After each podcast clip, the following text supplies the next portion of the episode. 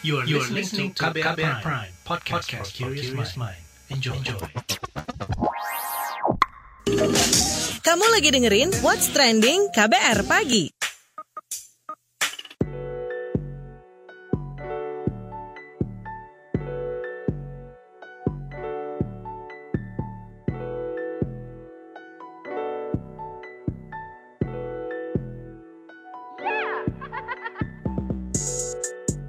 KBR Pagi, siaran pagi radio paling update. Selamat pagi, apa kabar Anda hari ini di hari Senin 27 Desember 2021? Kembali lagi saya Don Brady menjadi teman pagi kalian di What's Trending KBR Pagi pastinya. Pagi ini kita ngobrolin soal kontroversi harga selangit karantina dan mafia. Jadi belakangan ini warganet lagi ramai bahas soal mahalnya biaya karantina mandiri di hotel bagi pelaku perjalanan luar negeri. Kabarnya biaya karantina mandiri di hotel untuk paket karantina selama 10 hari pelaku perjalanan harus merogoh kocek mulai 6 hingga 21 juta. Nggak tanggung-tanggung, kalau mengalami keparahan dan harus dikarantina lebih lama, tarifnya akan naik dengan selisih 3 hingga 5 juta rupiah. Wow banget gak tuh harganya? Belum selesai persoalan mahalnya harga, Menteri Kesehatan Budi Gunadi Sadikin mengakui adanya persoalan mafia karantina di tengah-tengah proses kepulangan pelaku perjalanan dari Bandara Soekarno-Hatta yang akan mengakses hotel-hotel karantina. Sederet kasus ini membuat pemerintah berupaya melakukan transparansi harga-harga dan fasilitas karantina bagi pelaku perjalanan luar negeri di website karantinhotelsjakarta.com. Melalui website ini, para pelancong dapat mengetahui harga dan fasilitas selama melakukan karantina. Nah, kita bakal bahas lebih lanjut soal ini, tapi sebelumnya kita simak dulu opini netizen plus 62. Berikut ini.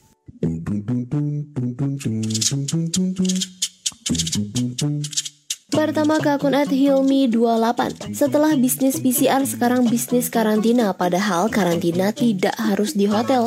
Jika wisma atlet sudah tidak cukup Bisa dicarikan alternatif lain dengan harga terjangkau. Ingat, tidak semua yang datang dari luar negeri itu orang kaya. Sebagian dari mereka adalah pahlawan devisa. Mohon diperhatikan hal ini.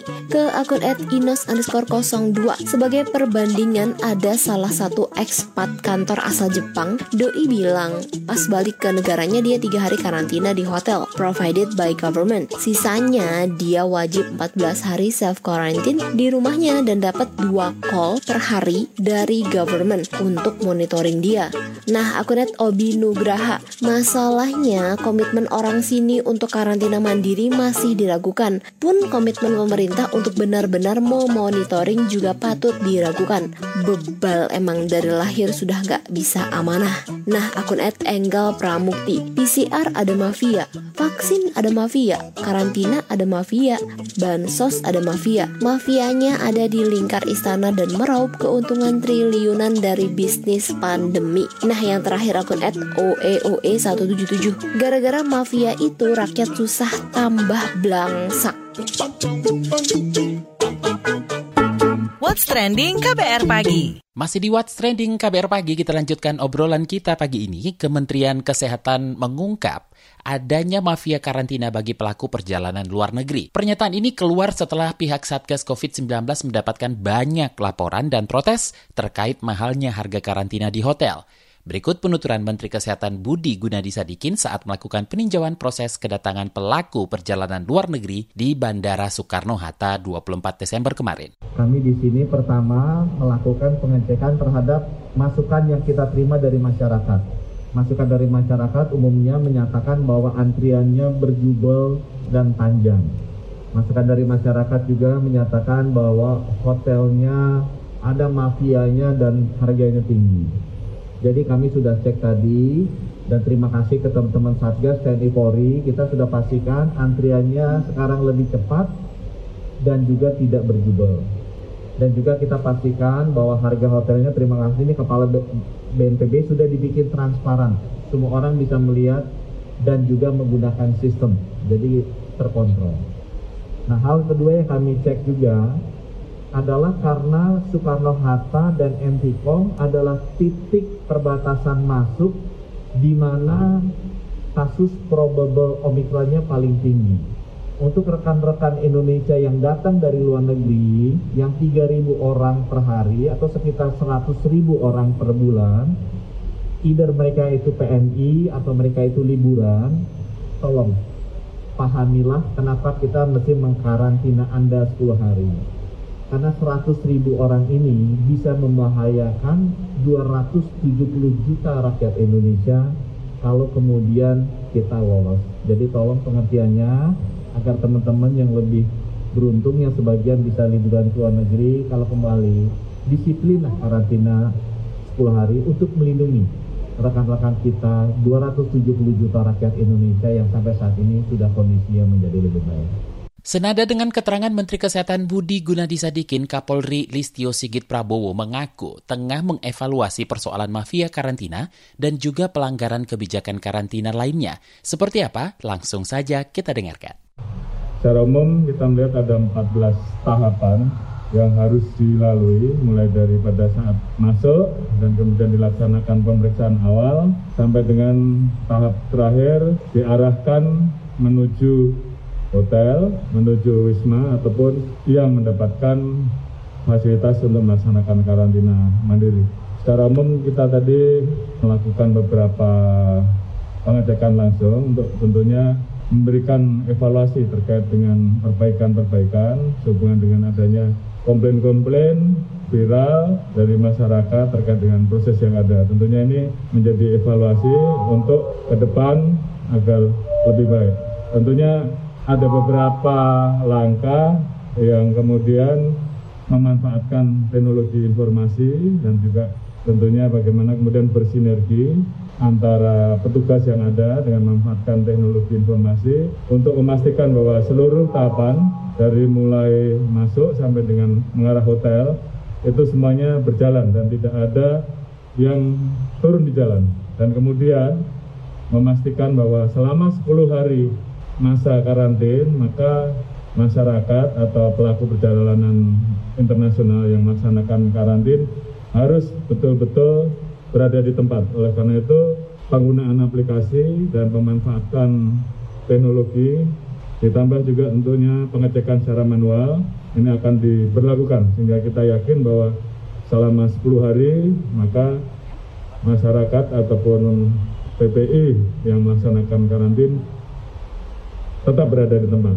Ini menjadi sangat penting karena beberapa waktu yang lalu kita mendapati ada yang baru dua hari, tiga hari kemudian sudah kembali.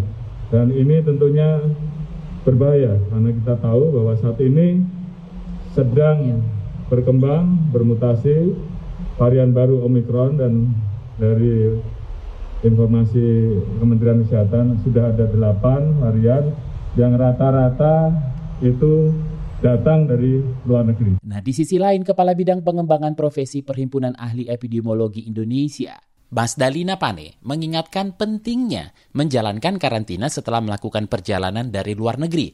Sebab saat ini Omikron tengah menyebar di Indonesia dan menjadi ancaman lonjakan kasus. Ini dia cuplikannya. Yang pertama memang Omikron merupakan varian of concern kelima yang sudah dirilis oleh WHO dan di seluruh dunia dia menyebar dengan cepat dan jumlahnya banyak. Maka semua negara mengambil tindakan-tindakan standar sebenarnya untuk menjaga pintu masuknya masing-masing. Walaupun bervariasi antar negara, ada negara yang bebas saja tidak melakukan karantina, tetapi menurut pandangan kami tentu saja harus dilakukan cegah tangkal di pintu-pintu masuk karena jauh lebih mudah kita melakukan intervensi terhadap mereka yang masuk ke Indonesia dibandingkan kalau varian tersebut sudah masuk ke komunitas. Sejauh ini kami sudah senang karena pemerintah juga sudah eh, cepat ya mengambil tindakan untuk menjaga pintu masuk. Pada saat ini memang dianggap sementara ini varian of concern itu menghasilkan gejala yang ringan. Tetapi harus diketahui pada awal-awal uh, sirkulasinya Memang varian ini akan lebih banyak mengenai mereka-mereka yang produktif. Mereka yang berjalan dari negara ke negara lain itu kelompok-kelompok yang produktif. Mereka yang bekerja dan kemudian terinfeksi itu juga kelompok yang produktif. Nah, yang kita perlu cegah adalah agar dia tidak bertransmisi dengan cepat di komunitas. Karena kalau dia sudah uh, menyebar di komunitas dan memasuki rumah-rumah kita, di mana ada orang tua kita yang imunitasnya mungkin sudah turun atau memiliki komorbid atau ada bayi dan anak-anak kita yang belum mendapatkan kesempatan untuk divaksin karena vaksinnya belum ada, maka di sanalah kemudian virulensi itu bisa dihitung. What's trending KBR pagi? Newsbeat.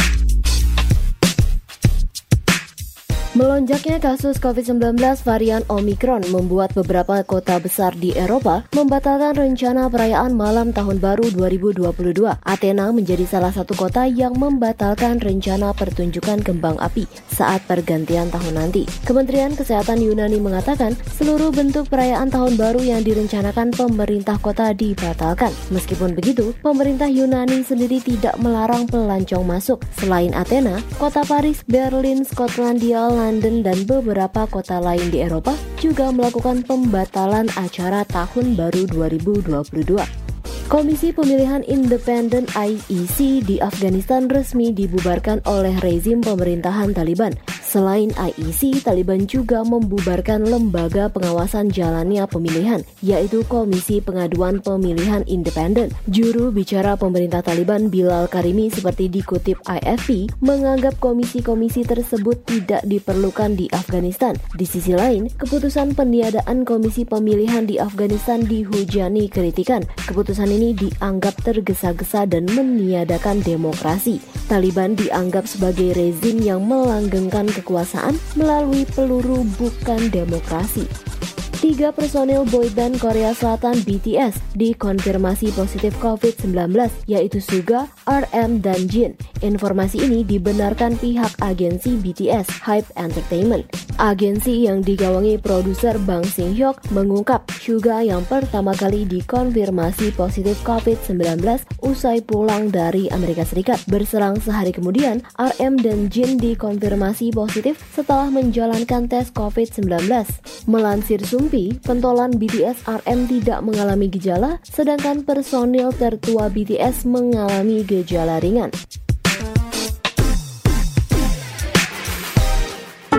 What's trending KBR pagi? Masih bersama saya Don Brady di What's Trending KBR Pagi. Kita lagi ngobrolin soal kontroversi harga selangit karantina dan mafia.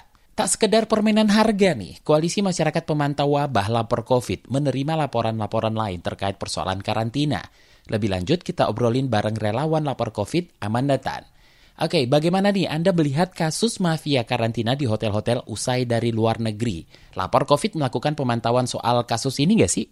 Jadi sebenarnya kami memantau kasus itu ketika uh, beredarnya video yang viral gitu terkait dengan antrian penumpukan antrian para pelaku perjalanan luar negeri, para WNI gitu yang baru melakukan perjalanan luar negeri dan mereka kesulitan gitu ya mendapatkan akses ke wisma atlet gitu. Videonya kan sangat terpampang nyata gitu ya. Mereka tidur di lantai, tidur di conveyor belt, kemudian ada yang bahkan ya mafia hotel yang menawarkan harga hingga 19 juta per orang gitu dan saat itu kami langsung membuat buat rilis gitu kami ingin agar pemerintah segera memperbaiki sistem proses suatu karantina agar tidak terjadinya penumpukan tersebut. Tapi dari laporan warga yang kita terima, kami menemukan adanya beberapa warga gitu, beberapa warga yang melaporkan ke kami bahwa ada nih beberapa warga yang tidak melakukan karantina sesuai dengan SE yang beredar gitu. Saat itu SE-nya masih SE nomor 23, tetap 10 hari gitu yang setelah melakukan, setelah melakukan perjalanan luar negeri. Kemudian ada warga yang melapor bahwa si uh, warga X gitu tidak melakukan 10 hari gitu dan diperbolehkan untuk keluar dari boleh keluar padahal belum selesai 10 hari gitu. Terkait harga sendiri yang sempat menuai protes seperti apa? Apakah Anda melihat ini dimanfaatkan sebagai ladang bisnis? Lapor COVID dan juga koalisinya gitu ya, kita selalu berpegang pada undang-undang kesehatan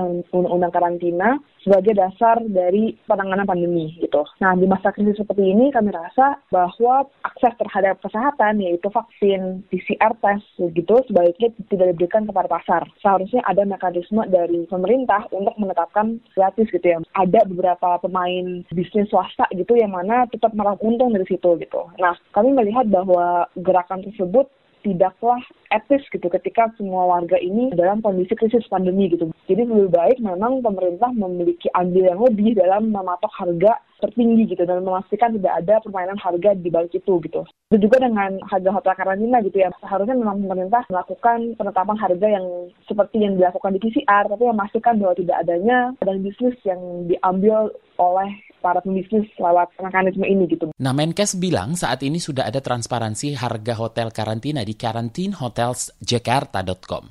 Sudah cukupkah untuk mengontrol harga karantina dan persoalan mafia? Jadi kalau kami lihat karantinhotelsjakarta.com, memang harganya udah dibuka ya, semuanya dibuka, dan itu lebih ya maksud kami akan mengurangi adanya uh, mafia hotel yang akan memainkan harga lebih parah lagi gitu ya. Kalau ini kan dibuka transparan uh, berapa saja harga-harga yang ada gitu. Tapi memang itu sudah langkah baik gitu ya, sudah ada bukti transparansi. Tapi kami menantikan adanya adanya sistem mekanisme karantina yang lebih affordable bagi warga gitu. Kalau itu kan tetap berbayar gitu ya, tetap berbayar yang mana artinya ya yang bisa menikmati hotel bagus ya pelaku perjalanan yang memiliki uang gitu. Tapi padahal kan sebenarnya undang-undang kita mensyaratkan bahwa semua akses kesehatan termasuk juga dengan aksi karantina itu sebenarnya harus dinikmati oleh semua warga tanpa memandang status finansial gitu ya. Dan lucunya juga kami mendapatkan laporan warga di mana mereka udah bayar mahal nih, udah bayar mahal gitu ya hotel bintang tiga, tapi hospitality-nya tidak sesuai gitu. Makanannya kurang enak, ada kasurnya juga ada bercak dan lain sebagainya gitu. Bagaimana rekomendasinya? Jadi pertama memang kami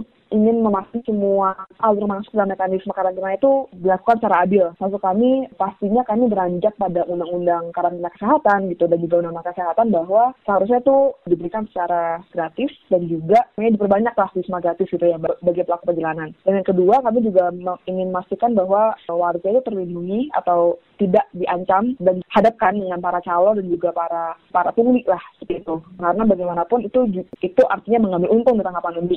Ini memang kami sudah membuka posko pengaduan bagi mereka yang yang mengalami ancaman atau mengalami atau dihadapkan oleh calon gitu ya. Dan itu sudah mulai ada pelaporan seperti yang saya tadi sudah sebutkan sebelumnya. Walaupun pelapor sendiri masih kami dorong gitu ya untuk melaporan gitu. Terima kasih relawan lapor COVID Amanda Tan.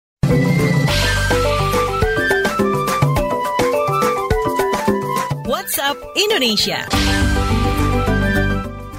WhatsApp Indonesia kita mulai dari Bandung, Jawa Barat. Tiga anggota TNI yang terlibat kecelakaan lalu lintas hingga menewaskan dua remaja di Nagrek, Jawa Barat terancam hukuman pidana dan pemberhentian secara tidak hormat. Hal itu disampaikan juru bicara TNI AD Tatang Subarnas dalam keterangan tertulisnya. Bahkan Panglima TNI Andika Perkasa mengklaim tiga anggota TNI itu terancam hukuman seumur hidup. Hukuman itu dianggap sesuai dengan perbuatan pelaku. Kejadian yang menewaskan dua remaja yakni Handi dan Salsabila terjadi pada Rabu 8 Desember di Jalan Raya Bandung hingga Garut. Seminggu setelah kejadian, kedua jasad korban ditemukan di Sungai Serayu, Banyumas. Menurut keterangan saksi dan polisi setempat, diduga kedua korban dibuang oleh pelaku yang berdalih akan membawa mereka ke rumah sakit untuk mempertanggungjawabkan perbuatannya. Ketiga anggota TNI itu akan dijerat dengan pasal berlapis yakni Undang-Undang Lalu Lintas dengan ancaman maksimal 6 tahun penjara serta KUHP dengan ancaman pidana maksimal seumur hidup. Selanjutnya kita ke kota Tangerang, Banten. Dinas Kesehatan Kota Tangerang mencatat 59.000 anak berusia 6 sampai 11 tahun sudah divaksin COVID-19 dosis pertama. Pencapaian vaksinasi 31,7 persen dari target vaksinasi anak tercapai selama 12 hari pelaksanaan vaksinasi. Wali Kota Tangerang Arif Erwis Mansyah dalam keterangan persnya mengatakan pihaknya menyediakan banyak sentra vaksin untuk mempermudah dan mempercepat jalannya vaksinasi anak usia 6 hingga 11 tahun. Beberapa di antaranya adalah rumah sakit, sekolah, hingga pusat perbelanjaan. Arif juga memastikan anak-anak yang divaksinasi tidak dimintai biaya apa pun alias gratis. Tangerang sendiri memiliki target vaksinasi anak sebanyak 1.806 ribuan. Pemerintah juga terus mengimbau para orang tua untuk membawa anak-anaknya ke sentral vaksinasi COVID-19 untuk memberikan perlindungan dari penyebaran virus. Terakhir kita mampir Jakarta. Menteri Koperasi dan UMKM Kemenkop UKM Teten Mas Duki mengungkap masih kurangnya angka kewirausahaan perempuan dalam ekosistem ekonomi Indonesia. Menurutnya, peran wanita dalam perekonomian dan bisnis bisa ditingkatkan. Di sektor UMKM, Badan Pusat Statistik atau BPS di 2021 mencatat sebanyak 64,5% persen UMKM dikelola perempuan. Kemudian riset dari Sasakawa Peace Foundation and Dalberg mencatat presentasi persentase wirausaha perempuan di Indonesia baru 21 persen. Menteri Teten saat launching UMKM, Perempuan Perintis Indonesia mengatakan pelibatan perempuan di sektor bisnis memiliki potensi kekuatan ekonomi yang besar. Peningkatan kewirausahaan perempuan juga sejalan dengan target pemerintah yang ingin melahirkan entrepreneur baru. Menurut Teten, saat ini baru 3,4 persen orang Indonesia menjadi entrepreneur. Sementara untuk menjadi negara maju, Indonesia memerlukan 4 persen entrepreneur. Demikian WhatsApp Indonesia hari ini. Demikian KBR pagi hari ini. Jika Anda tertinggal siaran ini, Anda kembali bisa menyimaknya di podcast What's Trending yang ada di Spotify, kbrprime.id, dan di aplikasi mendengarkan podcast lainnya. Don Brady undur diri, besok kita ketemu lagi ya.